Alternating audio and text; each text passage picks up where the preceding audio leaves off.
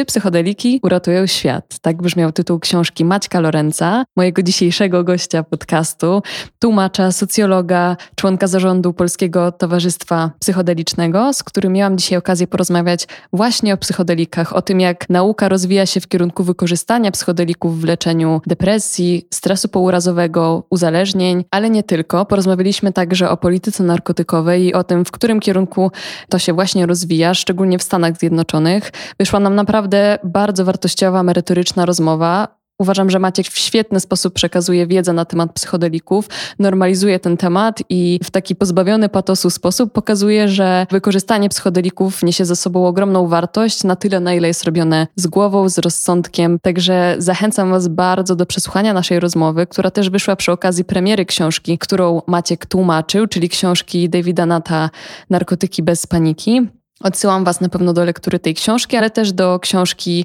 Michaela Polana Jak zmienić swój umysł, którą Maciek również przetłumaczył i została wydana przez wydawnictwo krytyki politycznej. Naprawdę świetne pozycje, które, które ten temat w jakiś sposób mogą Wam ustrukturyzować. A tymczasem zapraszam Was do naszej rozmowy i jak zwykle dziękuję wszystkim patronom i matronkom, którzy wspierają mnie na Patronajcie. Jesteście super. Zapraszam. Maciek, ja się bardzo cieszę, że się zgodziłeś do mnie przyjść. Y, nawet nie no wiem, nie czy... mogłem odmówić. A słuchaj, nie wiem, czy wiesz, ale wydaje mi się, że ja już z pół roku temu do ciebie napisałam, tylko że napisałam wtedy na maila. Na mhm. maila chyba z Polskiego Towarzystwa Psychodelicznego. I ten mail, tak mi się wydaje, że on się zgubił gdzieś y, mhm. w no, przestrzeni. No, tak, nie, nie zawsze mi na tak. wszystko odpisuje ostatnio, Tak, ale nie no, nie ma za co. No. Natomiast napisałam potem na Facebooku i, i się udało. E, więc się bardzo cieszę, bo też się spotkałem przy okazji premiery książki, którą tłumaczyłeś, Davida mhm. Nota. Um, narkotyki bez paniki. Tak. Bardzo zachwytliwy tytuł. I, um, I wiesz, zastanawiałam się, od czego zacząć. Zastanawiałam się, czy powinniśmy e, uznać, że nasi słuchacze mogą na przykład nie znać e, klasyfikacji substancji psychoaktywnych, które mhm. zaliczają się jako psychodeliki, czy nie. Um, czy powinniśmy się skupić na tym, jakie są trendy w tym momencie naukowe w kontekście rozwoju wykorzystania psychodelików chociażby w kontekście psychoterapeutycznym. No i pomyślałam, że może zaczniemy jednak od klasyfikacji. No dobra. E, dlatego, że ja na przykład nadal nie do końca rozumiem, czy MDMA jest y, psychodelikiem. Więc może, mhm. może spróbujmy zaczepić się o to, na jakiej zasadzie możemy rzeczywiście jakąś substancję skategoryzować jako psychodelik. Mhm. Znaczy tutaj takie kwestie definicyjne są dosyć e, złożone. MDMA rzeczywiście nie jest um, zaliczana do tych klasycznych psychodelików, natomiast niektórzy e, traktują je jako substancję e, empatogenną o właściwościach psychodelicznych. E, akurat w kontekście jakby mówienia o całym tym renesansie badań nad psychodelikami MDMA jest e, dość istotną substancją z racji tego, że e, mechanizm terapeutyczny jest nieco inny niż w przypadku klasycznych psychodelików. Klasycznych psychodelików, czyli psylocybiny, LSD, DMT, meskaliny być może, ale, ale te trzy pierwsze wydają mi się bardziej klasyczne. No i MDMA jest o tyle istotne w tym samym kontekście, że protokół terapeutyczny wygląda bardzo podobnie. Co prawda jakby wpływ na mózg, na organizm jest inny, też jakby zagrożenia związane z MDMA są nieco inne. Jest to substancja wymagająca większej ostrożności, chociażby w przypadku pacjentów, którzy mają jakieś problemy z układem krążenia, bo może bardziej obciążać układ krążenia. E, ale niejako MDMA wytycza ścieżkę tym klasycznym psychodelikom, to znaczy toruje, toruje drogę dla badań nad e, innymi substancjami, bardziej klasycznymi psychodelikami. E, z uwagi na to, że po prostu badania nad MDMA są najbardziej zaawansowane, jako pierwsza ta substancja weszła mm, do, też uzyskała ten status przełomowej terapii w 2017 w Stanach Zjednoczonych w leczeniu stresu pourazowego. I prawdopodobnie mm, wszystko wskazuje na to, że w ciągu dwóch, trzech lat e, zostanie już wprowadzona na rynek e, w Stanach, to znaczy wprowadzona na rynek. No, nie będzie dostępna w aptekach, tylko będą specjalne ośrodki e, licencjonowane przez MAPS, organizację, która prowadzi te badania. No i w tych ośrodkach ludzie z chcący poddać się terapii na stres pourazowy będą mieli okazję to zrobić w cywilizowanych warunkach pod opieką ludzi przygotowanych odpowiednio do tego po odpowiednim przygotowaniu i z późniejszą integracją tego doświadczenia, więc będą w dobrych rękach prawdopodobnie. Okej, okay, ale czy osoby, które będą przeprowadzać taką terapię przy użyciu MDMA, to będą musiały być osoby na przykład licencjonowane jako Przez MAPS. Okay, tak. MAPS okay. ma e, troszeczkę w tym momencie monopol, monopol na Przynajmniej w Stanach. To znaczy oni się dogadali w taki sposób i to jest rozsądne, że jeżeli w ogóle będzie wprowadzone MDMA, rozsądne w tym sensie, że e, jakby no, trzeba jakoś to uregulować, kto będzie mógł to podawać i MAPS z racji tego, że od początku, jak to jest organizacja działająca od 1986 roku i w, co prawda Rick Doblin, założyciel MAPS-u, wywodzi się z kręgów takich trochę kontrkulturowo-hipisowskich, ale od początku rozmawiał z tymi organizacjami rządowymi w taki sposób, że powiedzcie mi, co mam zrobić, jak wygląda ta ścieżka, żebyśmy mogli prowadzić mhm. terapię z MDMA i w, niejako wszystkie późniejsze działania MAPS-u były podporządkowane pod to, co organizacje rządowe e, wskazywały w następnej kolejności, jak ta ścieżka powinna wyglądać, więc są e, bardzo nastawieni na współpracę z e, systemem i też Rick Doblin mówi wprost, że oni nie chcą walczyć z systemem, tylko chcą go zmienić, chcą znaleźć miejsce dla tych terapii psychodelicznych w ramach mainstreamu i poprzez te doświadczenia wpływać pozytywnie na kulturę i na kondycję ludzkości. I to jest w ogóle bardzo dobre, że bardzo próbują, utopijna wizja. Mhm. Tak, bo z tego co ja się orientuję, na przykład też bardzo, znaczy łatwo. Myślę, że ciekawą ścieżką obejścia tego są też te wszystkie konteksty rytualne i religijne, bo z tego co wiem mhm. w Stanach chyba niektóre kościoły tak, mają, znaczy, mają mhm. pozwolenie na to, żeby wykorzystywać, nie wiem czy to jest um, kaktus Tak, peyote, znaczy Native czy... American Church, e, czyli organizacja używająca organizacja tak. Religijna, która jest o tyle w ogóle istotna, że w, mm, jakby ona skonsolidowała niejako rozproszone plemiona północnoamerykańskie, rdzenne ludy północnoamerykańskie pod takim wspólnym mm, parasolem, którym stał się Native American Church. E, to jest synkretyczna religia łącząca elementy chrześcijaństwa, no ale sakrament jest w odróżnieniu od chrześcijańskiego chrześcijańskich sakramentów jest działający, psychoaktywny. Tak, i oni rzeczywiście mają, mają pozwolenie na prowadzenie tych ceremonii z, z pejotlem. Działają też w Stanach legalnie e, dwa kościoły ayahuaskowe UDV i Santo Daime. E, była też e, jakiś czas temu sprawa taka z um, kościoła, który został założony przez, nie przez członka jakiejś rdzennej wspólnoty, tylko przez białego, białego neoszamana, powiedzmy, tak jakby to była organizacja działająca w szarej strefie. E, on, on złożył papiery, żeby się zarejestrować jako legalny kościół ayahuaskowy, no i tam opieszałość administracji sprawiała, że on przez kilka lat funkcjonował, stwierdził, że skoro nie ma, odpowiedzi, nie ma jednoznacznego zakazu, no to e, wraca do tych swoich praktyk. Natomiast z tego, co gdzieś tam czytałem ostatni artykuł, to jednak się do niego przyczepili o to, że to nie, nie może okay. tak wyglądać. E, w każdym razie, wiesz, wracając do twojego pytania, no to rzeczywiście wszystkie substancje, o których tutaj mówimy są klasyfikowane do tej grupy pierwszej na mocy konwencji ONZ-owskich, e, takich, e, które jeszcze w latach 70. zostały przeforsowane przez, e, głównie przez Stany Zjednoczone. Jakby Stany Zjednoczone jako potęga i gospodarcza i kulturowa trochę narzuciły ONZ-owi tego rodzaju regulacje z racji tego, że starały się mm, jakoś znaleźć argumenty na rzecz tego, że jednym z głównych wrogów publicznych są e, substancje, które e, młodzież przyjmuje w Stan przyjmowała w Stanach i e, jakby były one dosyć mocno gdzieś tam wpisane w szerszy, w szerszy taki kontestacyjny ruch odejścia od, od norm kulturowych, do których byli przyzwyczajeni przyzwyczajone było mieszczaństwo amerykańskie, klasa średnia i klasa też wyższa.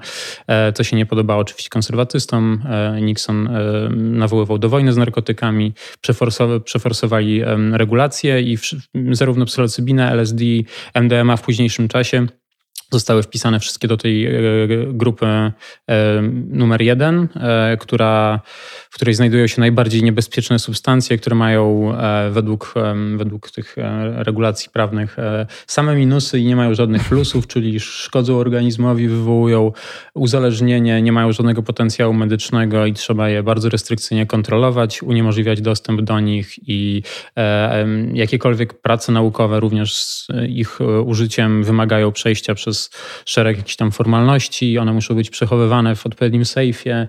E, pod obstawą mogą być tylko przewożone. E, Amanda Fielding z Fundacji Beckley mi powiedziała, że to jest e, porównywalne do składowania jakichś odpadów promieniotwórczych, więc jakby... Tak, no, tak. W... To jest w ogóle jakieś totalnie dalekie od prawdy, no patrząc na to, y, na, na to, jak się rozwija nauka w kontekście wykorzystania terapeutycznego, ale też na to, że on, chyba potencjał uzależnieniowy psychodelików, Jest mówię zerowy. o uzależnieniu fizycznym, nie Mhm. o psychicznym, jest zerowy, więc Mhm. jest to wręcz kuriozalne, że Tak, zostało znaczy to ta tak zdemonizowane. klasyfikacja jest, wydaje się być absolutnie absurdalna w odniesieniu do tych klasycznych psychodelików. W odniesieniu do MDMA ten potencjał uz- do uzależnienia może być trochę większy, ale no w przypadku klasycznych psychodelików nie. To są substancje, które nie cechują się żadną toksycznością ani neurotoksycznością, wręcz przeciwnie, mogą wykazywać działanie neuroprotekcyjne i też trwają badania nad em, zastosowaniem w e, leczeniu chorób neurodegeneracyjnych e, w takich sytuacjach, w których e, na przykład może dojść do uszkodzenia układu nerwowego, na przykład w przypadku udarów, jak gdyby też DMT jest e, pod tym kątem badane i nie tylko DMT. No tak, jakby to zastosowanie terapeutyczne odnoszą się, tutaj teraz tak się zawi- zawiesiłem głos, bo jakby warto zaznaczyć, że one odnoszą się nie tylko do psychoterapii, jakby mm, takiej, czyli powiedzmy poznawania i uzdrawiania psychiki, ale też wiele wskazuje na to, że dobroczynny wpływ psychodelików również na organizm, znaczy na redukcję stanów zapalnych, właśnie ochronę układu nerwowego, na zwiększanie, pobudzanie neurogenezy czy neuroplastyczności, również jakby te właściwości mogłyby znaleźć zastosowanie w leczeniu dolegliwości niepsychiatrycznych, nie tylko psychiatrycznych. A czy nie uważasz, że mikrodozowanie jest trochę tak wykorzystywane Mhm. y, w kontekście zwiększania produktywności, kreatywności i, i jak to rozumiem też w jakiś sposób neuroplastyczności? Mhm. Znaczy, no w e, mik- m- microdosing em, jest rzeczywiście, cieszy się coraz większą popularnością i od, od kilku lat, e, ale no James Fariman, który jest pionierem takich badań wstępnych bardzo nad tym, do czego ludzie używają mikrodawkowania, no to też w tych jego badaniach wyszło. On zebrał relacje od tam kilku tysięcy osób, jakie są ich motywacje. No i główna motywacja nie polegała na tym, że ci ludzie chcieli yy, wbrew em, takiemu obiegowemu wyobrażeniu, które gdzieś tam w mediach powstało, że Dolina Krzemowa sobie dorzuca małe dawki kwasa zamiast kawy i są bardziej produktywni, bardziej kreatywni, ich firma zarabia więcej i ich szef na pewno ich bardziej kocha dzięki temu.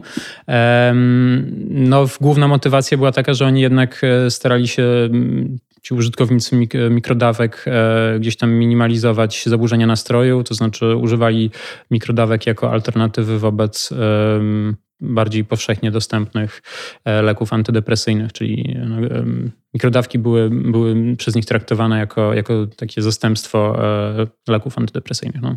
Okej, i czy, ale czy badano właśnie skuteczność mikrodawkowania Mhm. w kontekście leczenia zaburzeń nastroju czy, zaburzy, czy zaburzeń lękowych? Mhm. Znaczy, w, na razie w ogóle badań nad mikrodawkowaniem porządnych e, jest bardzo niewiele. No Znaczy, są, właśnie. są takie badania e, na Imperial College zrobiono, przeprowadzono bardzo ciekawy eksperyment, który polegał na tym, że ludzie nie byli, nie przyjmowali tych mikrodawek w laboratorium, nie byli poddawani testom, tylko e, jakby sami zaślepiali to badanie, sami użytkownicy, czyli jakby funkcjonowali normalnie. Em, Wcześniej sami mieszali kapsułki, oznaczali te kapsułki kodami QR i przed przyjęciem codziennie rano danej e, kapsułki przesyłali ten kod QR badaczom i tylko badacze mm, po mm, jakby zebraniu wszystkich danych wiedzieli, czy danego dnia ci, ci ludzie przyjęli mikrodawkę, czy przyjęli placebo.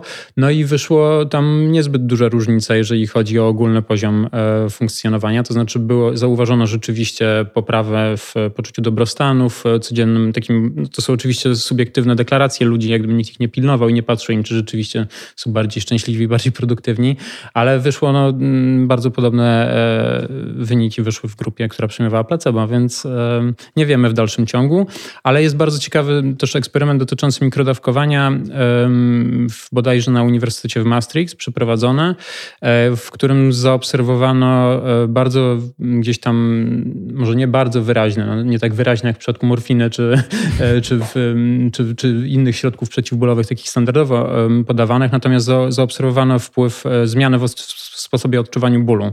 Więc to jest też dziedzina kompletnie nieprzebadana. Jakby ludzie, którzy przyjmowali mikrodawki inaczej odbierali ból, byli e, jakoś bardziej, łatwiej go znosili i być może też mikrodawki mogłyby znaleźć zastosowanie jako taki łagodny środek przeciwbólowy. A myślisz, że na przykład w wspieraniu osób terminalnie chorych na przykład, czy, to, czy myślisz, że to miałoby w ogóle potencjalne zastosowanie? Bo wiem, że też, y, że też w tym kierunku badań, no właśnie, Mhm. bo wiem, że idą w tym kierunku też badania, ale niekoniecznie w formie mikrodawek. Więc... Znaczy, no wręcz przeciwnie. Do, No to w ogóle jest em, badania pacjentów, głównie pacjentów onkologicznych w stanach terminalnych.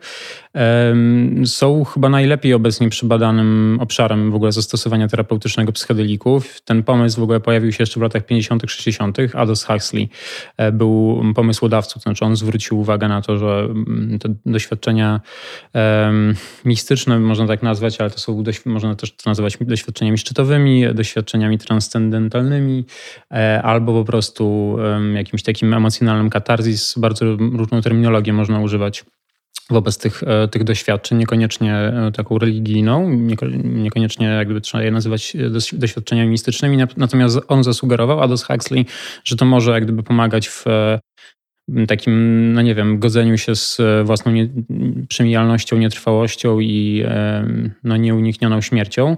I w, prowadzono takie badania w latach 60. E, i do połowy lat 70. z e, użyciem głównie LSD i też DPT, takiej substancji krótkodziałającej. Natomiast wrócono do tych badań w ramach tego renesansu współczesnego, badań nad psychodelikami i rzeczywiście zauważono trwały i bardzo wyraźny, szybki spadek poziomu depresji i poziomu niepokoju odczuwanego przez ludzi, którzy nie byli w stanie uwolnić się od tych e, nieprzyjemnych emocji, takiego kryzysu psychoduchowego związanego z tym, że po prostu leżą na łożu śmierci i muszą się pożegnać z życiem. Jakby ich jakość życia była bardzo niska.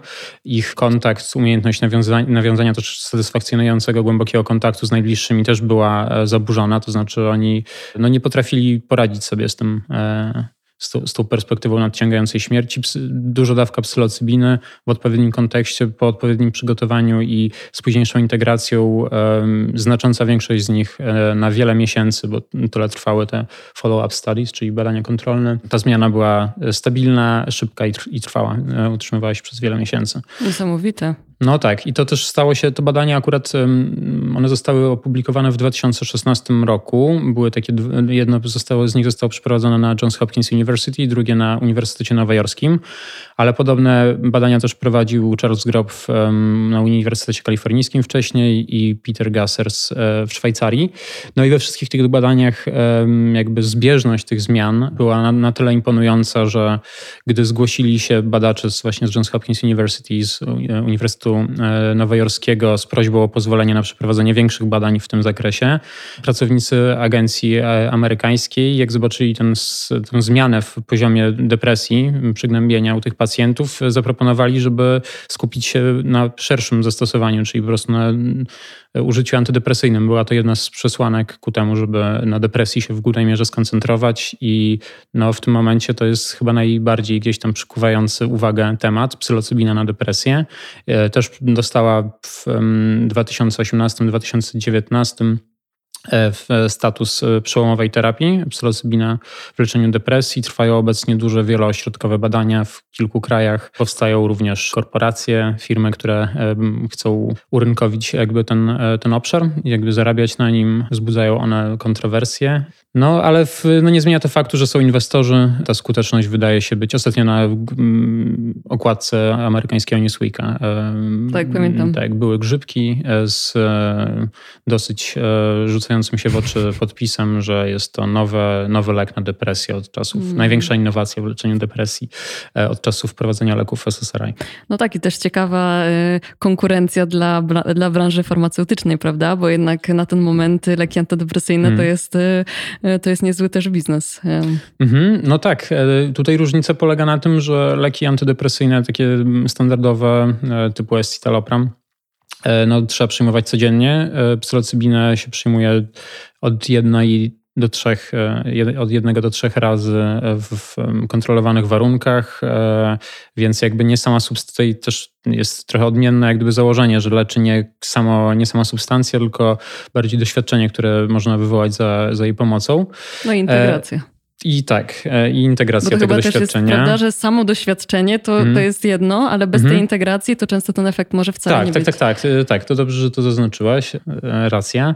Natomiast e, w tym roku też porównano skuteczność escitalopramу właśnie konkretnie z psylocybiną i była bardzo zbliżona. W sensie ten efekt antydepresyjny był, był niemal identyczny co no w sumie trochę jest rozczarowujące. Fajnie było, gdyby był lepszy, ale z drugiej strony jest to całkiem niezły argument, dlaczego jedna interwencja jest legalnie dostępna, a druga jest e, nielegalnie dostępna. No tak.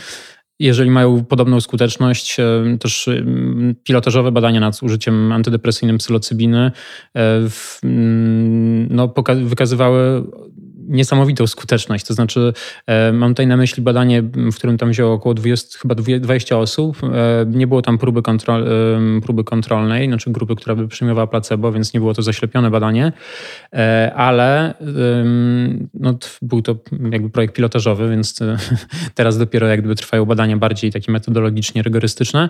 Natomiast co jest istotne, te wszystkie z tych osób miały depresję lekooporną, z którą się średnio zmagały od 17-18 lat i nic im nie pomagało. E, po przyjęciu psylocybiny w odpowiednich warunkach, pod odpowiednim nadzorem, ogromna też większość z nich się uwolniła od, od tych symptomów e, na wiele miesięcy.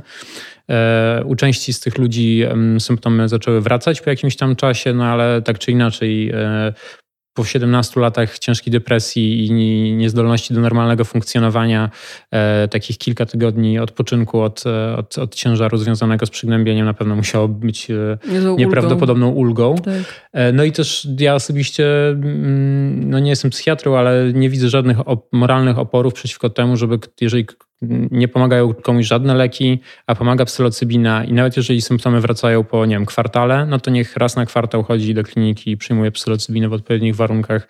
Jeżeli nic temu człowiekowi nie pomaga, może pomóc psylocybina, to nie widzę żadnych etycznych tutaj e, zastrzeżeń wobec takiego rozwiązania. Tak, no wydaje mi się, że tak, że problemem, e, problemem niekoniecznie są te, te etyczne aspekty, a bardziej te polityczne i to mm. komu się to trochę w tym momencie opłaca, a komu nie. E, też bardzo mnie zainteresowało, jak przeczytałam też o wykorzystaniu psychodelików w leczeniu uzależnień mm. od alkoholu czy tytoniu. Może też mógłbyś trochę opowiedzieć o tym, w jaką stronę to idzie mm. w tym aspekcie. Mhm. Znaczy to jest taki drugi, duży obszar, który w latach 50., 60. był, był mm, jakoś rokował w, w największym stopniu, najlepiej rokował. E, właśnie leczenie uzależnienia od alkoholu i leczenie, łagodzenie tych stanów lękowych u osób umierających.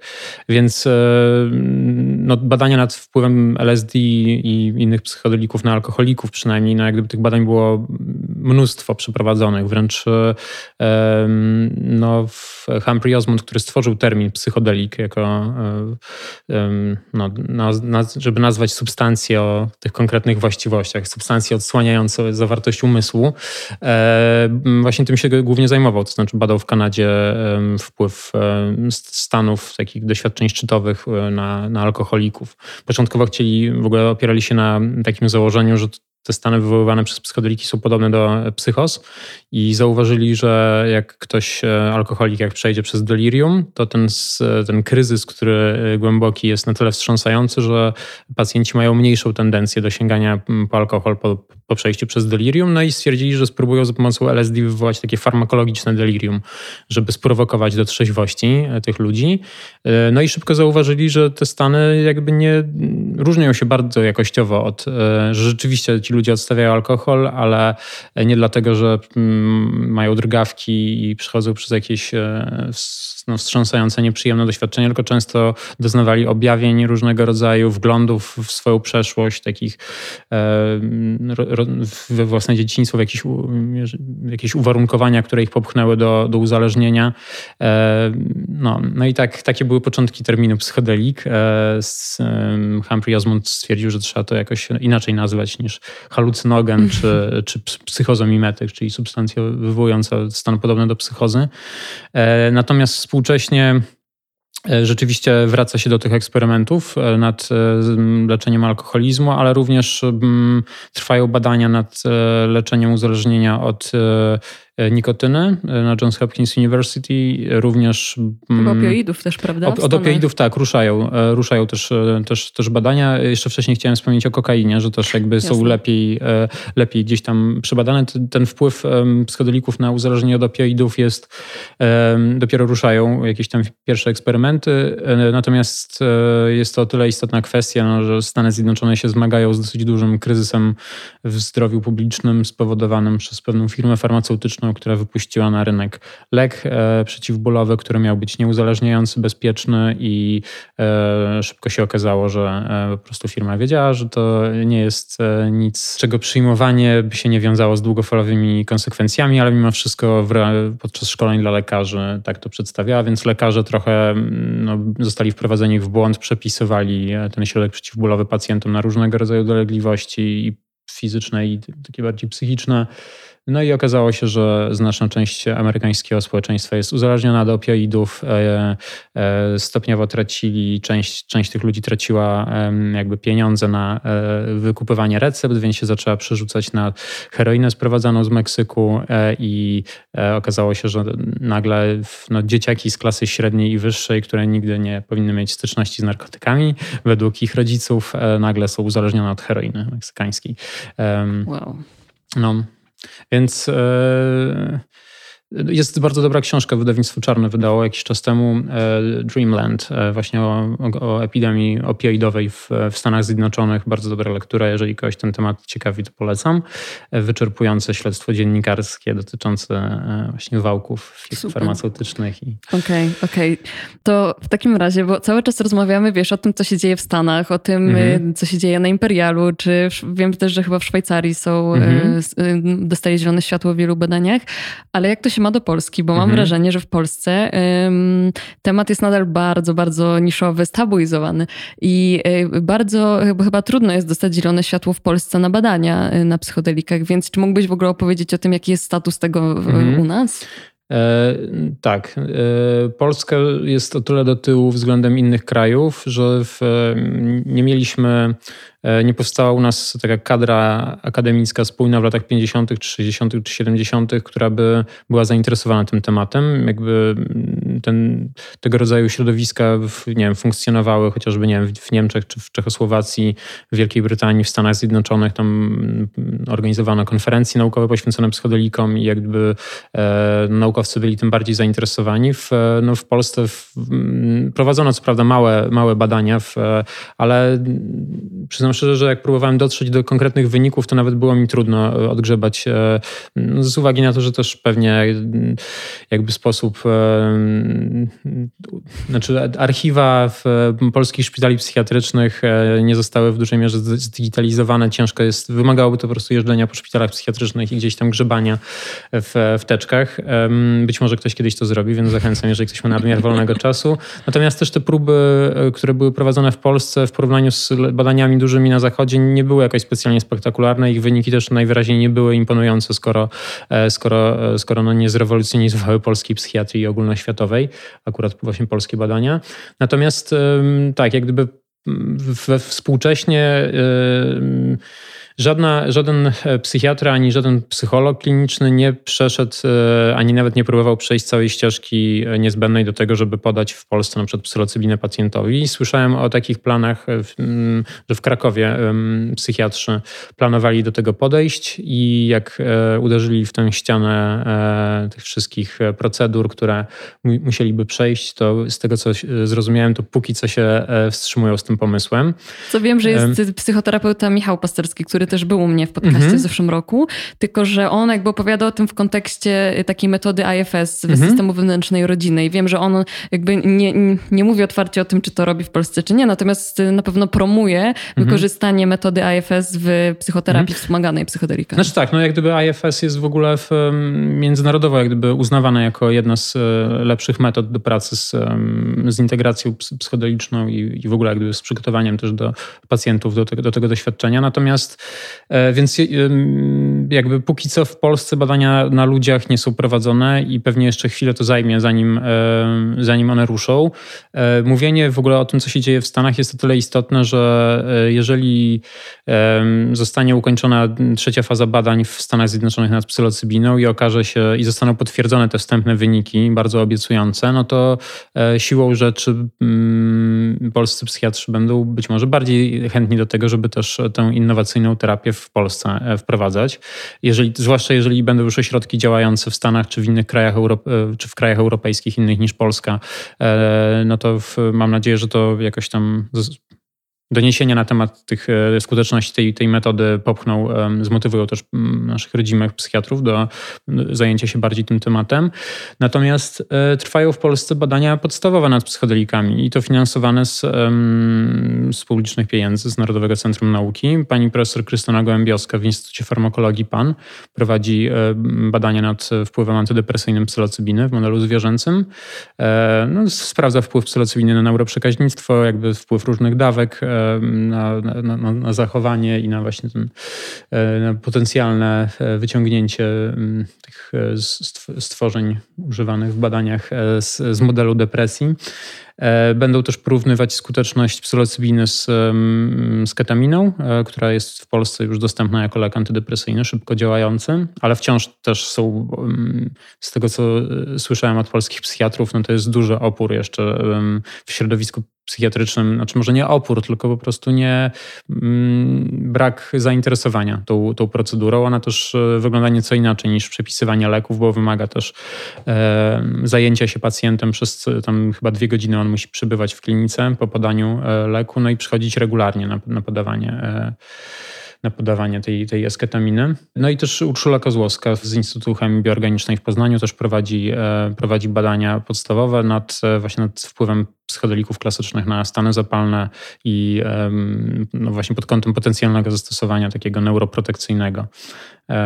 Okej, okay, ale uważasz, że w takim razie, bo y, mi się wydaje, ale może to jest moje takie, wiesz, subiektywne odczucie, że nie brakuje nam jakby specjalistów, którzy chętnie by z takiej formy właśnie um, na przykład psychoterapii, czy w ogóle działania korzystali, tylko że bardziej chyba mam wrażenie, że jest opór taki e, na poziomie systemowym, na poziomie znaczy, politycznym opór, tak, bardziej no, niż... E, opór na poziomie systemowym polega na tym, że zdobycie teraz pozwoleń i zdobycie środków na badanie nad substancją zaklasyfikowanej w Polsce do grupy 1P, czyli tej najbardziej rygorystycznie kontrolowanej. E, no, rozumiem, dlaczego to może być zniechęcające dla, dla polskich badaczy.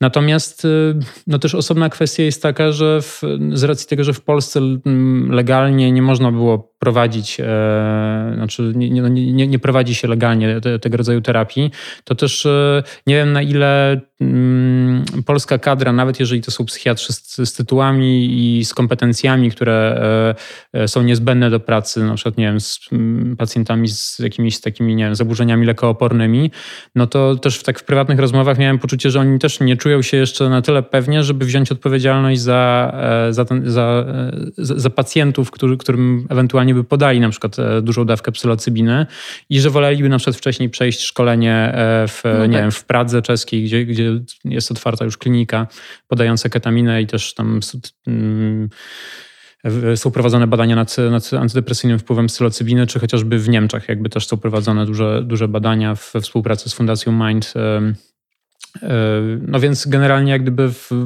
tak w, prywatnych rozmowach słyszałem, że woleliby wcześniej jednak przejść jakieś szkolenie, żeby tego nie robić, żeby nie musieć, też to jest o tyle rozsądne, że, żeby oni nie musieli się uczyć tego samego od podstaw, skoro ktoś już dysponuje tą, tą wiedzą e, i tym know-how, mhm. jak to zrobić tak. bezpiecznie i e, Myślę, że to rozsądne, zarówno z perspektywy tak. samych, e, samych klinicystów, jak i z perspektywy no, pacjentów, którzy wtedy nie musieli być tak. trochę takimi królikami doświadczalnymi, e, na których by e, polscy psychiatrzy dopiero tak. sprawdzali, jak to, jak to można zrobić. Ale to też ciekawe jest, co mówisz, bo popatrz, że w tym środowisku naukowym jest właśnie takie jakieś poczucie niepewności i, i chęć przygotowania się, a ja sobie myślę też z prywatnych rozmów, że na przykład w takich bardziej hipisowskich, szamańskich środowiskach, mhm. to, to tam raczej takiej niepewności nie ma. Tam jest wręcz ogromna ogromna, tam jest odwrotnie, tam jest ogromna odwaga do tego, żeby cię przeprowadzić przez podróż ayahuaskową. Mhm. Więc ciekawa jest ta, no, ta to różnica. Oczywiście jak gdyby ta odwaga e, jest e, też e, o kilku takich przypadkach słyszałem, gdzie wręcz była imponująca, tylko pytanie, czy w, jakby w parze z tą odwagą idzie też gotowość do wzięcia odpowiedzialności za potencjalne komplikacje? Myślę, że nie. Myślę, że,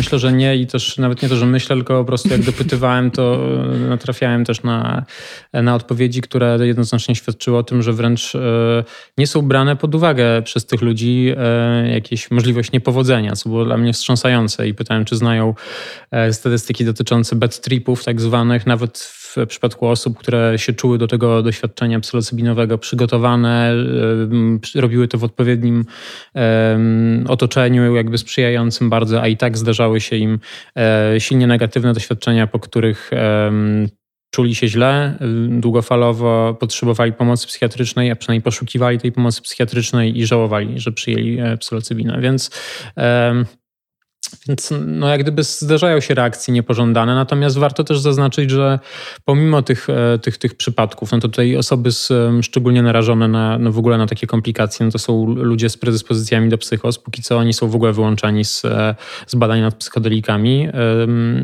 Natomiast e, w skali w ogóle tak myśląc bardziej, na przykład ta książka Davida Nata wspomniana przez ciebie na początku, jakby dosyć dobrze pokazuje, że psylocybina w porównaniu z innymi substancjami, które są używane w, zarówno legalnymi, jak i nielegalnymi, jest jednym z najbezpieczniejszych środków, jakie znamy. To znaczy liczba zgłoszeń, i to też te same, jakby to znajduje potwierdzenie zarówno w tych analizach Davida Nata opisanych w książce Narkotyki bez paniki, ale też w europejskim raporcie narkotykowym, czy w, czy w Global Drug Survey, taki największe badanie, mm, taki sondaż e, użytkowników narkotyków różnych z różnych krajów.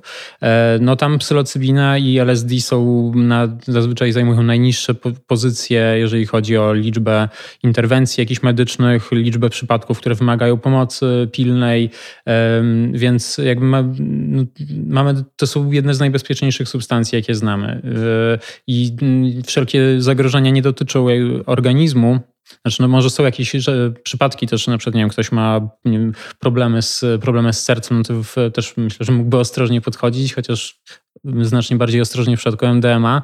Natomiast no, główne zagrożenie ma charakter właśnie psychologiczny, to znaczy jak gdyby trzeba się przygotować przygotować na to, jeżeli można się przygotować na to, że się nie można przygotować na nic, to, e, to właśnie w tym przypadku warto to zrobić. Jakie... To znaczy, że nie wiadomo jak się potoczy ta sesja i nawet osoby, które są przekonane, że dobrze się przygotowały, mogą e, przejść e, przez no właśnie niespodziewane, niekontrolowane, nieprzyjemne doświadczenia.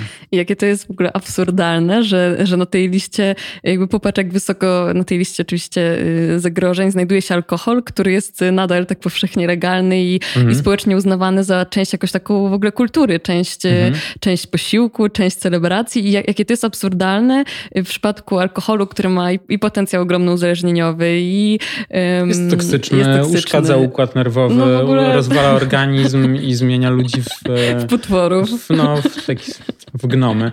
E, znaczy oczywiście w umiarkowanych dawkach, e, znaczy na pewno jakby w, w wycofywanie alkoholu z rynku, czy jakby jakieś obostrzenie, wprowadzenie dodatkowych obostrzeń byłoby przeciwskuteczne. Jakby prohibicja pokazała, że ludzie jednak chcą pić alkohol i to jest kwestia tego, żeby mm, po prostu go nie nadużywali. I ja też w odniesieniu do wszystkich substancji to chciałbym uczulić, że to nie jest jakby żadna substancja nie jest problemem. Jakby nie jest problemem alkohol, nie jest problemem e, kokaina, nie jest problemem nawet heroin heroina, tylko jakby stosunek do tych wszystkich substancji, jakby stosunek, który w, może prowadzić do problemowego używania. Jakby żadna z tych substancji sama w sobie nie jest e, zła. E, złe jest to, że ktoś e, używa tych jakby środków w sposób kompulsywny do uciekania od swoich własnych problemów i te problemy tylko przybierają na sile w, w konsekwencji.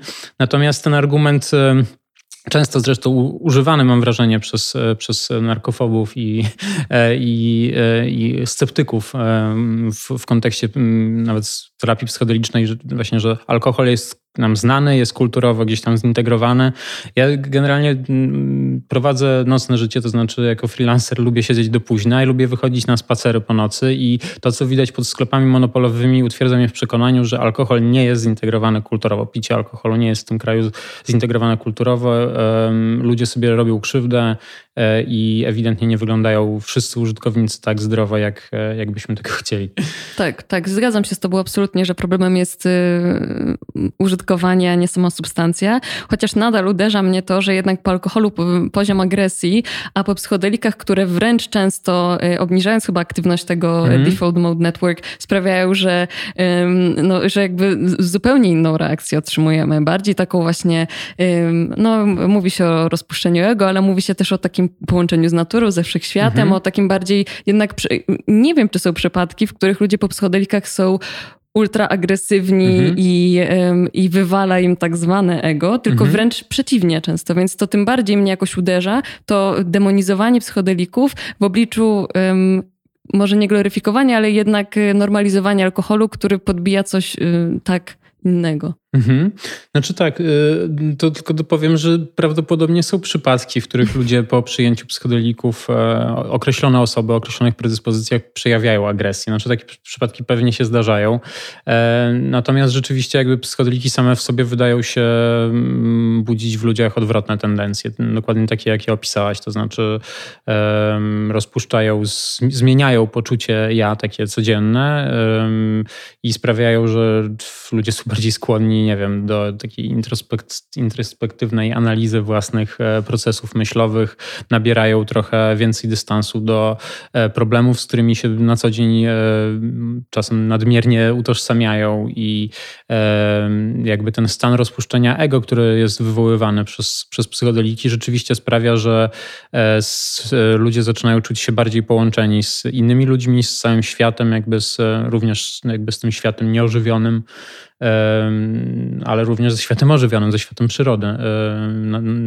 Przez co się też znaczna część tych użytkowników e, w, jakby w tym kontekście takim pozamedycznym, pozaklinicznym jakby wzrasta jakby poczucie utożsamienia z naturą i to też e, jakby znajduje takie przełożenie statystyczne na e, takie proekologiczne zachowania. To znaczy ludzie, którzy używali w ciągu życia psychodelików kiedykolwiek mają większą tendencję na przykład do oszczędzania wody albo do segregowania śmieci jakby różnych Ale odpadów. Ale super, no. Takie badania? Tak, znaczy, ja bym Matthias Forstman je przeprowadził, taki psycholog społeczny bodajże albo socjolog. Super. No w sensie no, tam jakby wiadomo, że to nie jest e, taki, ten odsetek nie jest jakoś znacząco wyższy, ale jest e, istotna, istotna statystycznie różnica. Super. Ale powie, bo jeszcze chciałabym wrócić do książki, którą mhm. przetłumaczyłeś, bo e, wiesz co mnie zastanowiło, jak, jak sprawdzałam, że pierwsza edycja tej książki była wydana w 2012 roku. Mhm. I pierwsze co mi przyszło do głowy, to dlaczego dopiero po 10 latach no, my tłumaczymy tę książkę? Tak, to jest dobre pytanie. W tamtym czasie być może nie było w Polsce odpowiednio. Ja już wtedy jakby mm, zależało mi na tym, żeby to, żeby to wyszło po polsku e, podczas pierwszego, pierwszej edycji, e, ale nie udało mi się nikogo zachęcić z racji tego żadnego z wydawców, z uwagi na to, że to jest książka dosyć gruba i wymagałaby nakładów sporych finansowych. Tutaj krytykę polityczną namówiłem z e, uwagi na to, że się lubimy i też jakby z tutaj mm, jakby dostałem trochę kredyt zaufania ze strony wydawców, to znaczy oni, oni zapytali, co bym sugerował i zasugerowałem właśnie Polana i, e, i, i Nata. O Polanie oni zresztą wcześniej też myśleli, więc od początku żeśmy rozmawiali, e, jak zmienić swój umysł. To wyszło kilka miesięcy temu też w moim tłumaczeniu. E, natomiast David Nat, no, ta książka jest potwornie istotna w kontekście w ogóle myślenia o polityce narkotykowej z racji tego, że David Nat jest jednym z, no, z takich czołowych, najbardziej rozpoznawanych psychofarmakologów specjalizujących się w uzależnieniach na świecie i e, ta jego książka w, przynajmniej w Wielkiej Brytanii odbiła się bardzo szerokim echem. No, nie wiem, na ile jest takie porównanie sensowne, ale no powiedzmy, że, to, że taki Jerzy Wetulani brytyjski, e, w sensie, że bardzo medialnie gdzieś tam widoczna postać, e, darzona dużym szacunkiem, została poproszona o sporządzenie i też pracująca na zlecenie, David Nutt pracował w tamtym czasie dla organizacji rządowej e, zajmującej się oceną e, ryzyka i szkodliwości różnych narkotyków zostali poproszeni o ekspertyzę dotyczącą szkodliwości 20 najbardziej najczęściej używanych środków w Wielkiej Brytanii. No i z, zrobili to najlepiej jak mogli. E, opublikowali wyniki i zaczęli opowiadać o tych wynikach, co wzbudziło spore e, kontrowersje, ponieważ okazało się, że najbardziej niebezpieczne są substancje. Alkohol jest na pierwszym miejscu, natomiast psylocybina bodajże była na ostatnim miejscu. No i David Nutt w, w publicznej telewizji zdarzyło mu się na przykład powiedzieć, że statystycznie rzecz biorąc, E, jeżdżenie, jazda konna jest bardziej e, ryzykowna i niebezpieczna niż jedzenie tabletek ekstazji, że tak wynika ze statystyk. No i e, oczywiście reakcja konserwatywnej części społeczeństwa była e, natychmiastowa i gwałtowna, że nie można porównywać sportu zdrowego z, no, z narkomanią wstrętną i, i rzeczywiście szybko dosyć dostał, mm, dostał telefon David Nutt od ówczesnej ministry spraw wewnętrznych. Niedługo później został dyscyplinarnie zwolniony za publikowanie wyników z tej ekspertyzy. No i od tamtej pory David Nutt jest takim, oprócz tego, że jest naukowcem, to również zaczął się bardzo gdzieś tam aktywnie udzielać w takim aktywizmie na rzecz reformy prawa narkotykowego i ta nowa edycja jego książki jest o tyle istotna, że została znacząco rozbudowana w niektórych e, miejscach, została zaktualizowana, więc e, jak tylko zobaczyłem, że się ukazuje wznowienie e, zaktualizowane i rozbudowane, napisałem szybko maila do, do wydawcy, że to jest, to jest dokładnie to, czego Polska w tym momencie potrzebuje. Pierwsze reakcje czytelników, jak już widziałem, są bardzo podobne jak w Wielkiej Brytanii. Nie można porównywać według nich jazdy konnej z jedzeniem tabletek ekstazji. Czyli w, no, bardzo podobna, bardzo podobna reakcja. Natomiast David Nutt jest też o tyle istotną osobą w kontekście psychodelików, że jakby pod jego niejako tak patronatem Robin Carhart Harris przeprowadził pierwsze badania nad e, wpływem psylocybiny i LSD na funkcjonowanie mózgu z użyciem e, fMRI.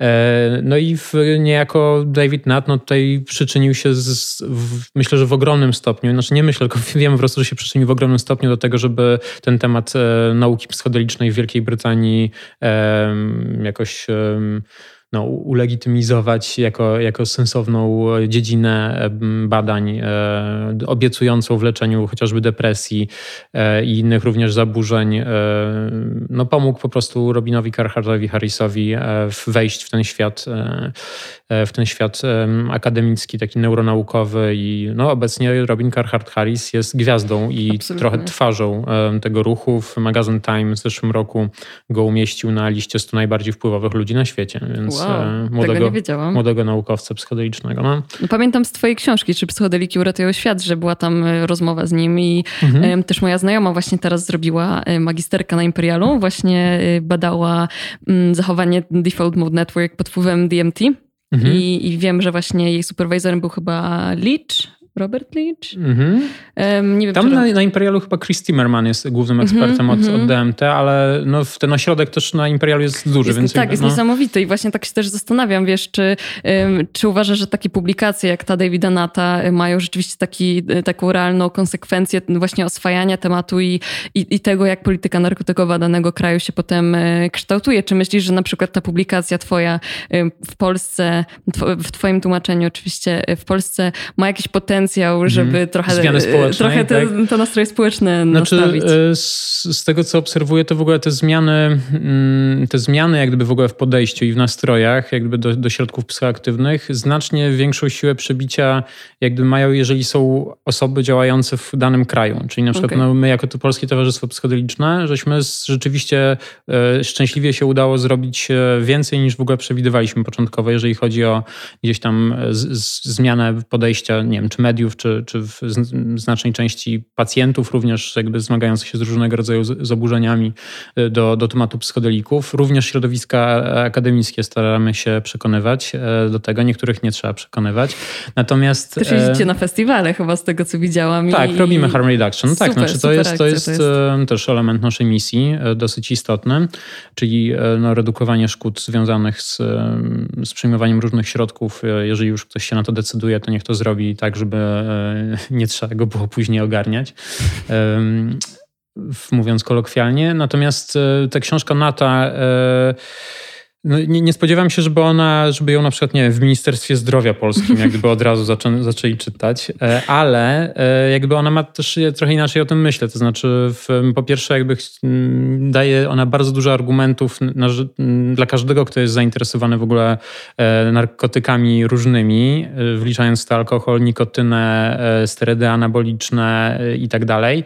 W sensie w temat w ogóle modyfikowania percepcji, nastroju i tak dalej za pomocą różnych środków zachęcam wszystkich do sięgnięcia po tę książkę. Jakby e, jest dosyć wyczerpująco, e, no, jak gdyby ta tematyka E, tam, tam przedstawiona. Natomiast David Nutt jest osobą e, wśród polskich naukowców również rozpoznawalną, w sensie jakby często się na niego powołują polscy, polscy badacze i e, no w przyszłym tygodniu wyślę na przykład egzemplarze do Instytutu Farmakologii panu, e, tam do profesora Krystyny Gołębiowskiej i do profesora Andrzeja Pilca.